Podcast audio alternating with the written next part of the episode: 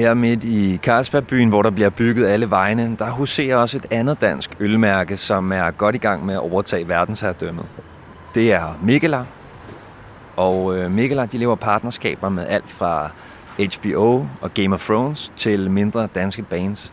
Og øh, jeg er på vejen for at han snak med grundlægger Mikkelborg Bjergsø.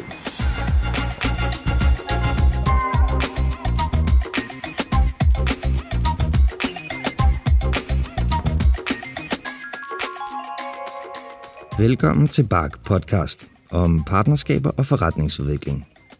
Her hos Bark arbejder vi med at fremme digitalisering, forretningsudvikling og kommunikation i kulturlivet. Og i vores podcast her zoomer vi specifikt ind på, hvordan kreative og kommersielle partnerskaber kan være nøglen til at åbne op for helt ny forretningsudvikling.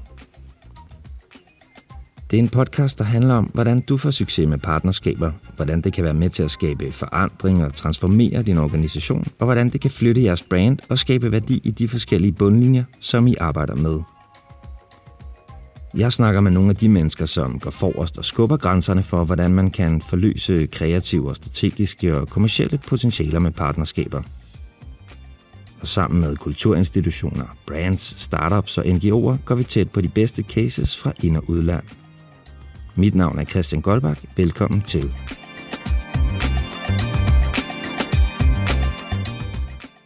Hej Mikkel. Hej. Hej, velkommen til. Tak. I har jo en lang historik med at lave partnerskaber. Hvorfor er det så fedt for jer at lave de her partnerskaber? Øh, ja, altså, vi har en meget lang historik. Jeg startede faktisk som noget af det aller, aller første, øh, da, jeg, da jeg startede Michael med at, at række ud til nogle brygger, nogle af mine idoler over i USA, øh, og som helt ukendt brygger fra Danmark, og spurgte dem, om de ikke ville lave en øl sammen. Øh, og det var faktisk før, der fandtes sådan nogle collaborations i ølverdenen. Men jeg tænkte, hvis jeg kunne komme over til USA og lære mine idoler og lære de bedste, så, så ville jeg nå langt. Øh, og jeg regnede faktisk overhovedet ikke med, at de ville svare eller sige, sige, sige ja til det. Men det gjorde de, øh, og jeg tog det over og brygget med nogle af de mest anerkendte brygger i verden. Og det viser mig lidt det der med, at, at for det første, den åbenhed, der er ofte blandt, blandt folk, når de, når de når kreative, forskellige kreative møder, møder hinanden. Og så det viser mig også, at jeg kan rent faktisk lære en hel masse at arbejde sammen med mennesker, som er anderledes end mig selv. Øh, nu var det brygger, kan man sige, de har kommet ind for samme branche, men det udvikler sig hurtigt til nogle andre øh, partnerskaber uden for branchen. Øh, og man kan sige, jeg gør det for at lære en masse af folk, og så forhåbentlig lære de noget af mig. Jeg tror, at, øh, jeg tror, at det der med at, at, at, at gå sammen om nogle ting med nogle mennesker, som man egentlig ikke har så meget til fælles med, tror jeg er ret, ret givende. Øhm, så det er faktisk hoved, hovedformålet. Ja. Ja.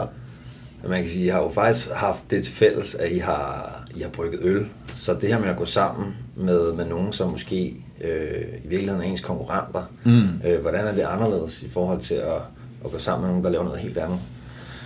Ja, man kan sige, at det der med at arbejde med ens konkurrenter, eller ja, som vi er jo i virkeligheden konkurrenter, men vi er også gode venner, øhm, altså det er ret unikt. Det er altså vores branche, brygbranchen, og specielt øh, craft beer mikrobryg, er ret unik på det punkt. Øhm, faktisk så den eneste anden branche, som jeg rigtig kender til at arbejde sammen på den måde, det er musikbranchen. Altså det er meget normalt, at musikere går sammen og laver collaborations ja. og ja. optræder på hinandens øh, plader og sådan noget. Øhm, og det gør vi også i høj grad i brygbranchen. Altså der bliver lavet rigtig mange collaborations rundt omkring i verden. Øhm, og det viser for mig, at det, at der er et, et, et, et specielt fællesskab øh, og en speciel måde at tænke på, øh, som jeg faktisk synes er mega fed ved vores branche. Det der med, at selvom vi er konkurrenter, og selvom vi, vi kæmper om hyldeplads øh, nede, nede i butikkerne, så kan vi godt arbejde sammen og hjælpe hinanden og lære hinanden. Øh, og det gør jo også, at, at, at når man har nogle ting, nogle issues eller andet, så, så kan man jo ringe til konkurrenten. Altså når jeg, jeg kan ringe til alle mine, mine, mine venner i branchen, som jo også er mine konkurrenter, og, og bede om hjælp, hvis jeg har brug for det. Øh, og det synes jeg er virkelig fedt. Det, det synes jeg fortæller ekstremt meget om vores branche. Det synes jeg er mega sejt, mm, og det skal, vi høre, det skal vi høre mere om. Ja. Øhm, vil du starte med at fortælle lidt om, om dig selv og Mikkel, og, og måske også i virkeligheden, hvor vi sidder hen lige nu, for vi sidder midt i, i den gamle Carlsbergby, hvor der bliver bygget rundt omkring os. Ja. Altså prøv at gøre historien kort. Øhm, altså jeg, jeg hedder Mikkel, og jeg startede, jeg startede Mikkel i 2006. Øh, egentlig var, var jeg, jeg er uddannet skolelærer, og det, det er faktisk den eneste uddannelse, jeg har. Jeg er ikke uddannet noget andet. Øh, og så startede jeg med at hjemme, brygge hjemme i køkkenet i 2003, øh, fordi jeg synes, at øl var interessant, og smage er interessant. Øh, og så gik det rimelig godt, og folk kunne godt lide min øl. Øh, og så startede så virksomheden i 2006. Øh, arbejdede som skolelærer på det frie gymnasium i, på Nørrebro i København. Øh, i, imens de første år, mens jeg, jeg byggede virksomheden op. Altså Michael har startet som et hobbyprojekt, hvor jeg bare skulle lave noget god øl. Altså prøve at lave noget øl, der var bedre end det, de andre lavede. I virkeligheden lave verdens bedste øl, var lidt min ambition. Øh, men så voksede virksomheden, og ja, vi, fik, vi fik ret meget, meget, meget god anerkendelse for ølverdenen, øh, og fik rigtig meget, mange henvendelser fra, faktisk fra hele verden, om folk, der gerne ville købe, købe øl, øh, købe Michael øl. Og så på et tidspunkt var jeg nødt til ligesom at, og beslutte mig for, om jeg skulle gå øllets eller, eller lærergærningens vej. Altså, jeg elskede at være lærer på det gymnasium, så det var faktisk en ret svær beslutning. Øh, men jeg besluttede så Michael øh, at gå videre med det, fordi også fordi jeg havde, havde fået et par ansatte på det tidspunkt, og jeg synes, jeg havde nogle, jeg havde nogle forpligtelser over for, for de mennesker. Øh, og så kastede man ind 100% og prøvede at udvikle en, altså i virkeligheden udvikle et ølbrand, men, men jeg har hele tiden haft den tanke om, at det skulle være mere end et ølbrand. Altså det skal ikke bare være, altså det skal ikke bare være produkter, som, du, der, som står på hylden. Øh, der skulle være ligesom en, en verden omkring de produkter, og en, en, altså der skulle være nogle oplevelser og nogle ting, som, som gjorde det, at det var mere end bare at drikke en øl. Øh, og det er så det, jeg har arbejdet på de sidste 15 år, øh, at gøre det til en, til en, måske, det, det kan godt være, lyder sådan lidt lidt, lidt, lidt skørt, men uh, gør det lidt til en livsstil. Altså Michael til en livsstil, hvor folk ligesom kan leve Michael mere end, end de bare drikker det. Og det, uh, det synes jeg faktisk, vi er nået ret langt med. Og det er selvfølgelig også, når vi snart samarbejder, det er jo selvfølgelig også på grund af alle de mange gode samarbejder, vi har. Altså det, det gør, at vi kan, vi, vi, jeg synes, vi har løftet os op på et, et plan, som er mere end bare et, et ølmærke med nogle produkter. Ja, og... Øh... Og så sagde du Carlsberg byen, ja, vi sidder ja. midt, i, midt i det hele. Øhm, Altså, jeg har jo kendt, jeg har faktisk boet i nærheden af Carlsberg sidste, øh, siden midten af 90'erne her i, på Vesterbro, og kan huske øh, i 90'erne, der, når Carlsberg bryggede, og vinden stod i den rigtige retning, så kunne man lugte af det bryggede. Jeg synes, det var, det var, det var meget fascinerende. Øhm, og så rykkede Carlsberg til Jylland, øhm, og man skulle bygge den her by her. Øhm, og vi sad nede på Vesterbrogade, Michael, øhm, og var vokset ud af, det, af den lejlighed, vi sad i. Skulle finde noget nyt, og så så kom der noget til leje i Karlsbyen, og synes, at det kunne være grinerne til Karlsbyen. Mm. Altså, det var meget sjovt. Altså, det var egentlig derfor, jeg startede med at kigge op. Det var fordi, jeg synes, det kunne være ret sjovt, når vores kunder for eksempel kom fra udlandet, altså vores importører og sådan noget, og skulle, og skulle møde med os, og bare sige, at I skal bare tage til Carlsberg byen, fordi det var, det var sgu så mærkeligt. Ikke? Alle, alle i verden kender jo Carlsberg, og ved, at, ja. at, at de er meget modsatte også i virkeligheden. Ikke? Øhm, så derfor så, så endte vi her. Øhm, og så har vi fulgt med i hele opbygningen af Carlsbyen, fra at de gamle bygninger, store, som vi har siddet og kigget på, blev revet ned, og nu ser vi så, at det bliver bygget op. Så det har også været en, det er sådan en film, en fire, år, fire halv år lang film, ja, ja. som er ret fed at følge med i. Ja.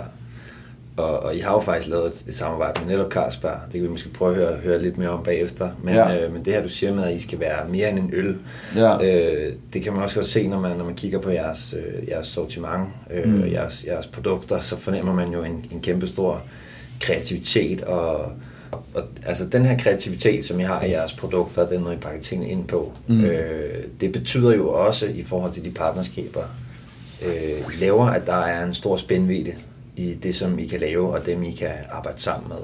Mm. Øh, så vil ikke prøve at sætte lidt ord på sådan jeres, øh, også jeres tilgang eller strategi omkring at, at lave partnerskaber.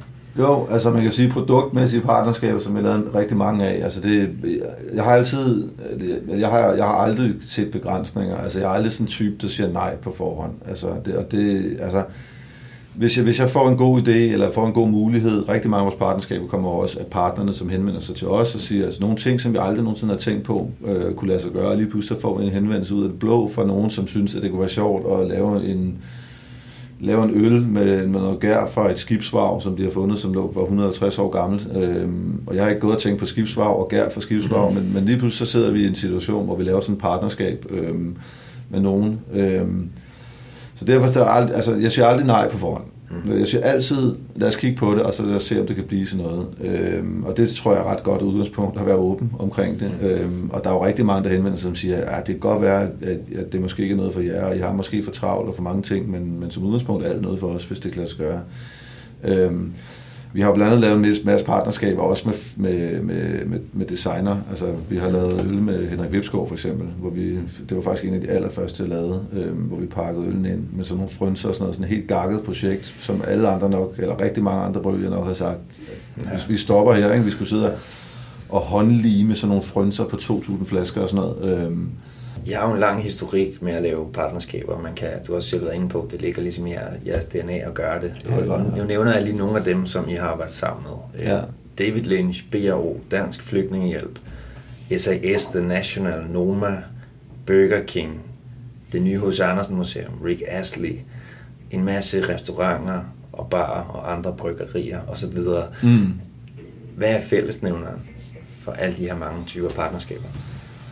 Fællesnævnerne er, at det er gode folk, som har nogle gode intentioner, og som egentlig vil det samme som os, og, og, og lave noget, som, som løfter tingene lidt op på en højere plan. Altså, jeg, jeg, nu ved jeg godt, det lyder ekstremt klichéagtigt, men øh, for mig skal et partnerskab være 1, 1 plus 1 giver 3. Ikke? Altså, hvis, hvis 1 plus 1 giver 2, så kan man lige så godt bare gøre det selv. Ikke? Altså, der, man skal ligesom til, tilføje noget til hinanden, som gør, at, at man laver noget, som ikke kunne være sket, hvis man, ikke, hvis man har lavet det hver for sig. Og det synes jeg, alle de her partnerskaber har været. Jeg synes, at alle sammen har givet et resultat, som har været mega fedt, og som jeg ikke kunne have lavet selv, og som jeg heller ikke tror, de kunne have lavet selv. Øhm, og det synes jeg, det synes jeg er sådan en grundsten, i, i, når man arbejder sammen med nogen.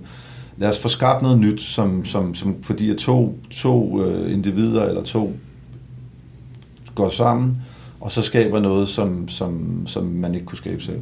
Og jeg vil aldrig lave et collaboration med, med nogen som helst, øh, hverken virksomhed eller personer eller noget, hvis jeg ikke, hvis jeg ikke havde en følelse med, at, at der var noget personligt i det for dem også. Altså med HBO for eksempel, øh, eller Warner Brothers, øh, som, som, som, som jo ejer, hvad hedder det, Game of Thrones, vi havde møder med Warner Brothers, og jeg kunne mærke, at, at, at de personer, vi snakkede med, de, de havde en personlig involvering i, i min verden og i, og i mit brand, og de elskede ham, ham, ham der var chefen for, for, for, der er chefen for samarbejdet som en amerikaner, han, han, elsker, han elsker vores øl, og det var også grunden til, at, at vi overhovedet startede den her snak. Øhm, og jeg synes, altså han havde nogle sindssygt gode idéer omkring, hvor han gerne ville hente øl. Han havde en holdning også til, hvad for nogle typer øl, der ville passe til, hans, til deres fans, øh, osv. osv. Og det er jo fuldstændig samme, når jeg laver med, med, med Ring the Bells for eksempel. For eksempel. Altså, de, de, de laver det selvfølgelig også ud fra deres personlige holdning til, hvad de synes er fedt og smager godt og kunne være spændende. Og så tænker de på, hvordan de i deres verden kan udbrede en collaboration på en måde, så, så folk har en følelse af, at det her det er sådan noget, vi har lavet, fordi vi synes, det er sjovt og givende, og ikke bare fordi, at vi skal tjene nogle ekstra penge. Ja. Øhm, og det synes jeg med alle vores collaborations. Mm. Altså, og det er også det, jeg sagde i starten, den der med, hvis, hvis, hvis, hvis jeg får en følelse af, at, at, at, at formålet er noget andet, end, end at løfte til et højere niveau, så, så er det ikke interessant. Mm. Altså, det er ikke interessant for mig at lave en collaboration med, med en, en, en, en virksomhed eller et brand, som, som bare vil sælge en masse af det, og som i virkeligheden vil downscale øh, kreativiteten i det, så, så kan vi det skulle være. Og er det, øh, er det sådan en bevidst strategi for din side, at du ikke blander dig i det kommercielle øh, i forhold til, øh, nu skal vi nå den her x rækkevidde med den her kampagne og så videre. Altså kigger du rent på det, på, på det kreative i, i sådan en konstruktion? Ja, det gør jeg, og det er, det er, det er bevidst, og jeg gør det også for ikke at mudre billedet for mig selv, fordi at hvis, hvis, hvis, hvis, det, hvis jeg begynder at tænke alt for kommercielt, og det begynder at overtage min, min, min, øh, min idé med, med et, et, et, en collaboration og et samarbejde, så tror, jeg, så tror jeg ikke, det bliver godt. Altså, øhm, og, og på samme måde, så, så prøver jeg også så vidt muligt at holde, øh, at holde øh, businessdelen væk fra den kreative proces. Altså, vi har jo selvfølgelig en masse, en masse folk ansat i Michael, altså hvis, hvis hovedformål er at sælge øl. Altså, de, I bund og grund skal de jo være lidt ligeglade med, hvad fanden det er for noget øl, vi sælger. Bare det sælger. Øhm, og derfor så kan jeg, altså, og selvfølgelig snakker vi sammen, og selvfølgelig giver, giver vi input til hinanden, og de siger, hvad er det, der rører sig i markedet, og hvad vil folk gerne have. Men jeg kunne aldrig finde på at lade dem bestemme, at det her det skal være et produkt, som vi gør sådan her med, fordi at det er det, som, som, som en eller anden kræver. Øhm, fordi hvis jeg ikke selv er tilfreds med produktet, så tror jeg heller ikke, det bliver godt. Altså, jeg tror ligesom udgangspunktet er, at du selv skal være tilfreds, og du selv skal synes, det er fedt og være glad for det. Og ellers så bliver det noget værre. Så bliver det noget værre noget. Ja. Øhm, så er det bare ikke også længere. Så er det en anden, så er det en anden type virksomhed og en anden type brand. Øhm, og dem er der jo masser af. Øhm, men jeg, det er bare ikke det, jeg skal være. Og så, øh, så tænker jeg, at vi skal snakke lidt om, om, om jeres samarbejde med Carlsberg, og hvordan i alverden, at det samarbejde kom på banen, og hvad der ligesom kom ud af det? Ja, altså vi lavede, øh, vi lavede et, et, et, et vi har faktisk brygget øl med Carlsberg, og det var så under Jacobsen brandet på det tidspunkt, øh, og det man kan sige, altså vores verden og, og, og Carlsbergs verden, altså jeg har et rigtig godt forhold til mange fra Carlsberg, nogle gode folk, og, og, og vi, vi, vi snakker også meget sammen omkring, hvordan, altså vi har i bund og grund det samme, den samme, det samme formål, det er at få folk til at drikke mere øl, øhm, og jeg vil selvfølgelig tage, at de drikker min øl og craft beer og noget, der smager en hel masse og sådan noget, og de vil, og det tror jeg egentlig også, at Carlsberg vil. Altså, vi er så forskellige, at vi jo i bund og grund ikke konkurrenter. Øhm, men øh, ja, øh, vi bryggede en øl for det efterhånden 8-9 år siden. Øh, det var sådan, det var, det var et ret fedt projekt. Jeg, jeg blev, jeg, jeg, jeg, jeg blev, blev, de henvendte sig til mig og sagde, at nu havde vi, nu, nu havde, nu skulle, de havde fået en forespørgsel, om de ville brygge en øl til dronning Margrethe, som skulle til, øh, til St. Petersborg i Rusland øh, på et officielt besøg. Og så skulle hun blandt andet besøge øh, Baltika som de ejer. Øh, kæmpe, kæmpe, kæmpe stort bryg, som de ejer derovre. Øh, om jeg ville være med til at brygge den øl til hende, til dronning Margrethe. Øh, og det, og så kan man sige, de fleste havde sgu nok sagt nej til Carlsberg, fordi det er sådan lidt forbudt i vores verden. Men igen, jeg havde sådan, okay, hvis jeg kan få dronning Margrethe til at, til at, til at jeg, jeg, jeg, jeg, har en fornemmelse af, at hun nok drikker mere vin, end hun drikker øl. Det er bare en fornemmelse, jeg har. Det vil være helt galt på hende. Men hvis jeg, kan, hvis jeg kan lave en øl, som hun faktisk synes er interessant og smager godt, så det, det synes jeg kunne være fedt. Øhm, så det, det sagde jeg til, og så tog vi til St. Petersborg faktisk, og så nu designede vi så en øl, øh, som, som lå over i vinens verden. Altså man kan jo faktisk lave øl, der smager ret vinagtigt. Så vi, vi tænkte, vi laver nogle, nogle øl med nogle viningredienser. Vi brugte blandt andet blade for, for vinbuske. Øh, og vi brugte nogle, vi brugte nogle droger og sådan noget i øllen, som, som gjorde, at, den, øh, at vi tænkte, så kan det være, at hun, hun synes, det er mere interessant. Øh, og så tog jeg til St. Petersborg og bryggede den. Øh, og jeg lærte, jeg lærte, altså jeg synes det var helt vildt at stå, som det var jo stadig en, Michael var ret lille, det var jo stadig i forhold til Carlsberg, men ret lille dengang. Og få muligheden for at stå på et kæmpe, med kæmpe, kæmpe, kæmpe stort bryggeri i, i Rusland og brygge øl sammen med nogen, som har en helt anden tilgang, og som er, altså det, jeg tror, der var 10 øh, bryggeriingeniører og alt muligt til stede, og så står jeg, som aldrig har uddannet mig til kund i brygning, og i virkeligheden bare står lidt og stikker fingrene i luften og, og håber på, at det går. Ikke? Øhm, og så vidne, at, at tre måneder senere, så skulle dronningen, øh, dronning Margrethe, sidde på, på dansk tv øh, og smage den der øl. Det synes jeg skulle altså det var vildt, altså det var virkelig vildt. Og det var et projekt, som, som jeg tror også gav Carlsberg noget. Altså det var først, mm. det første, og det er faktisk også ja. den eneste rigtige samarbejde, vi har haft. Og jeg tror også, de synes, det var interessant at se, ja. hvordan min verden fungerer. Ikke?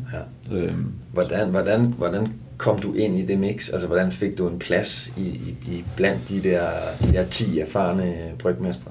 Jamen, jeg ved det ikke. Jeg, jeg undrer mig stadig over, at, og det gør jeg ofte, jeg undrer mig, altså ofte så undrer jeg mig over, når, når vi får henvendelser fra nogen, altså også David Lynch er et godt eksempel, øhm, hvordan fanden, hvorfor vil de overhovedet det her? Altså med sådan en som mig, jeg er jo bare, jeg, jeg er jo i bund og grund bare uddannet skolelærer, og så har været heldig med at brygge noget øl, som folk kan lide, ikke? Øh, men jeg tror, at de har, det er lidt den der samme tankegang, det der med, at vi kan sgu alle sammen lære hinanden. Vi kan lære at være, fordi vi er forskellige, kan vi lære en masse af hinanden. Ikke? Og det tror jeg også for sådan de, Karls, eller Carlsberg Balske, der tænkte, at, at det der med at få en, en, en ind, som er så langt væk fra deres univers, men som har succes med det, som jeg gør, og laver øl på den måde, som jeg gør, til, tror jeg, også, jeg tror virkelig, de havde en følelse af, at de kunne lære noget af mig. Øhm, og det tror jeg også, de gjorde. Øhm, så ja, så det, det er jo fedt det er jo fedt, at sådan nogle samarbejder kan komme i stand. Øhm, sådan nogle, som på papiret ser så, så umuligt ud på forhånd.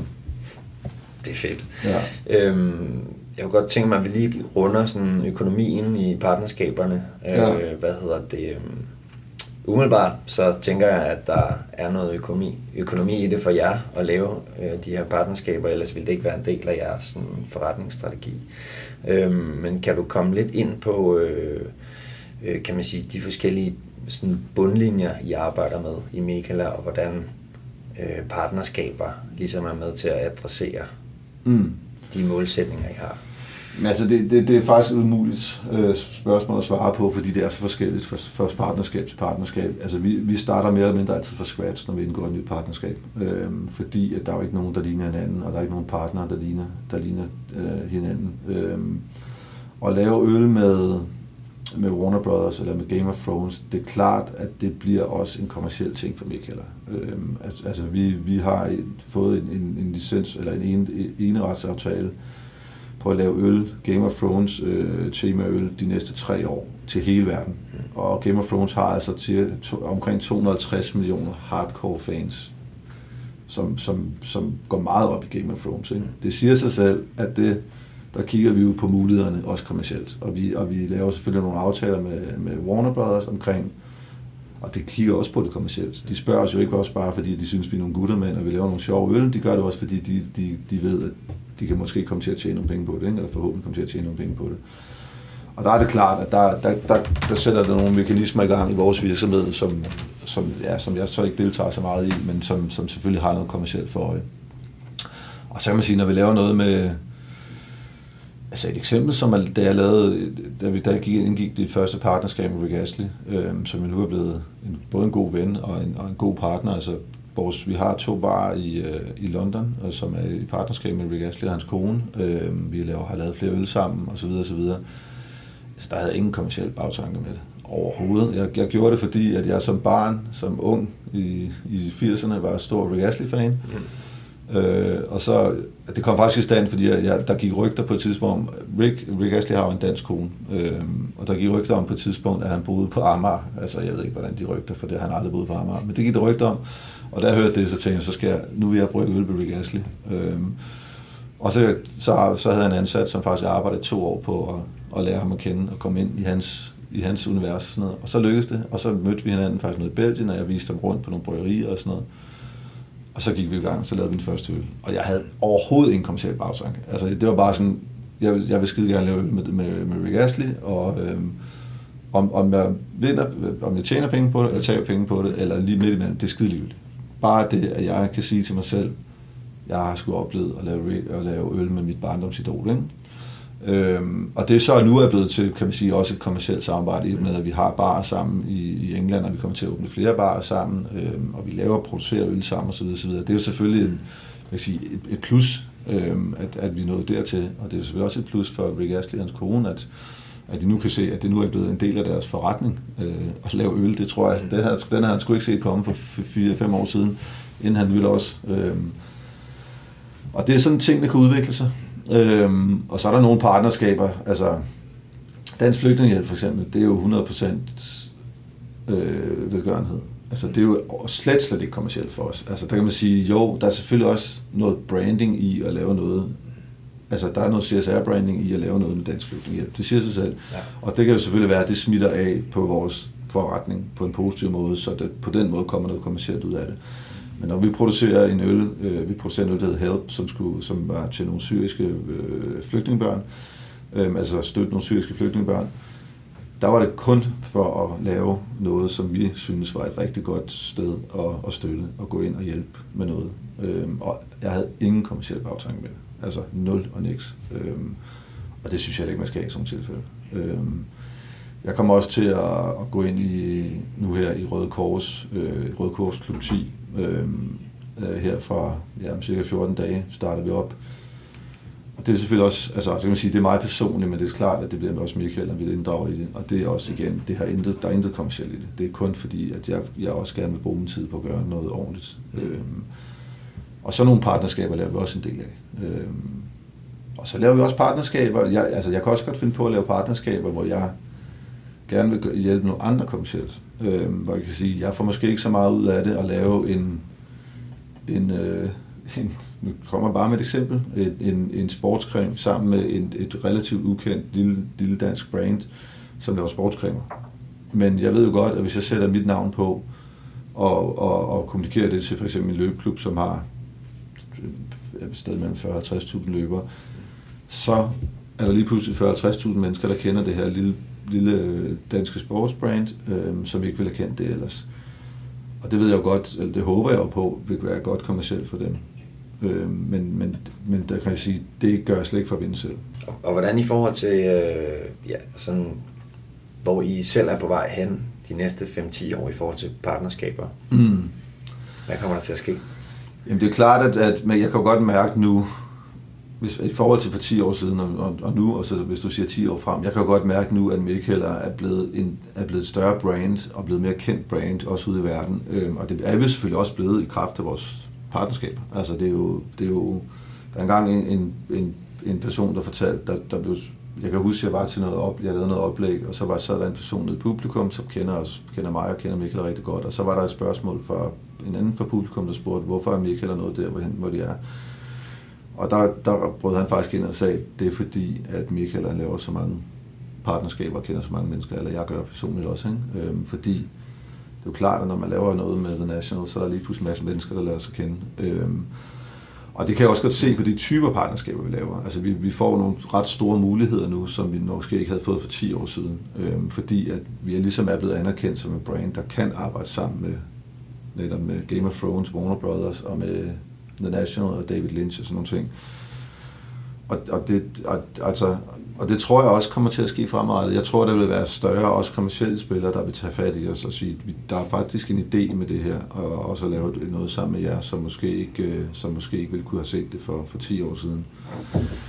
Men der vil jeg så også sige, at, at, at selvfølgelig er det jo skide sjovt, og det er jo, jeg vil selvfølgelig gerne lade indgå sådan nogle partnerskaber. Altså, det, det bliver nok svært. Jeg, jeg kan ikke, vi har faktisk snart internt, hvordan slår man at lave Game of Thrones øl? Altså, der skal alligevel noget til for at gøre det større end det, ikke? Ja. Øhm, men, men altså, jeg vil også stadig lave de mindre, mindre collaborations og partnerskaber. Altså, jeg vil altid synes, det er lige så interessant at lave noget med, med det der lille danske øh, sportscreme-mærke, som, som, som det er at lave med, med Game of Thrones, fordi at, at jeg føler, at jeg får noget ud af det, og de også gør. Så, så den vil aldrig forsvinde. Det, den, det er den del, som jeg i hvert fald holder fast i. Hvis det kommercielle begynder at få overtaget, så skal jeg nok kæmpe den anden vej. Det er mega inspirerende og fascinerende, Mikkel. Og tak, tak, tak for snakken. Selv tak. Ha' det godt. Det var hyggeligt. Ja.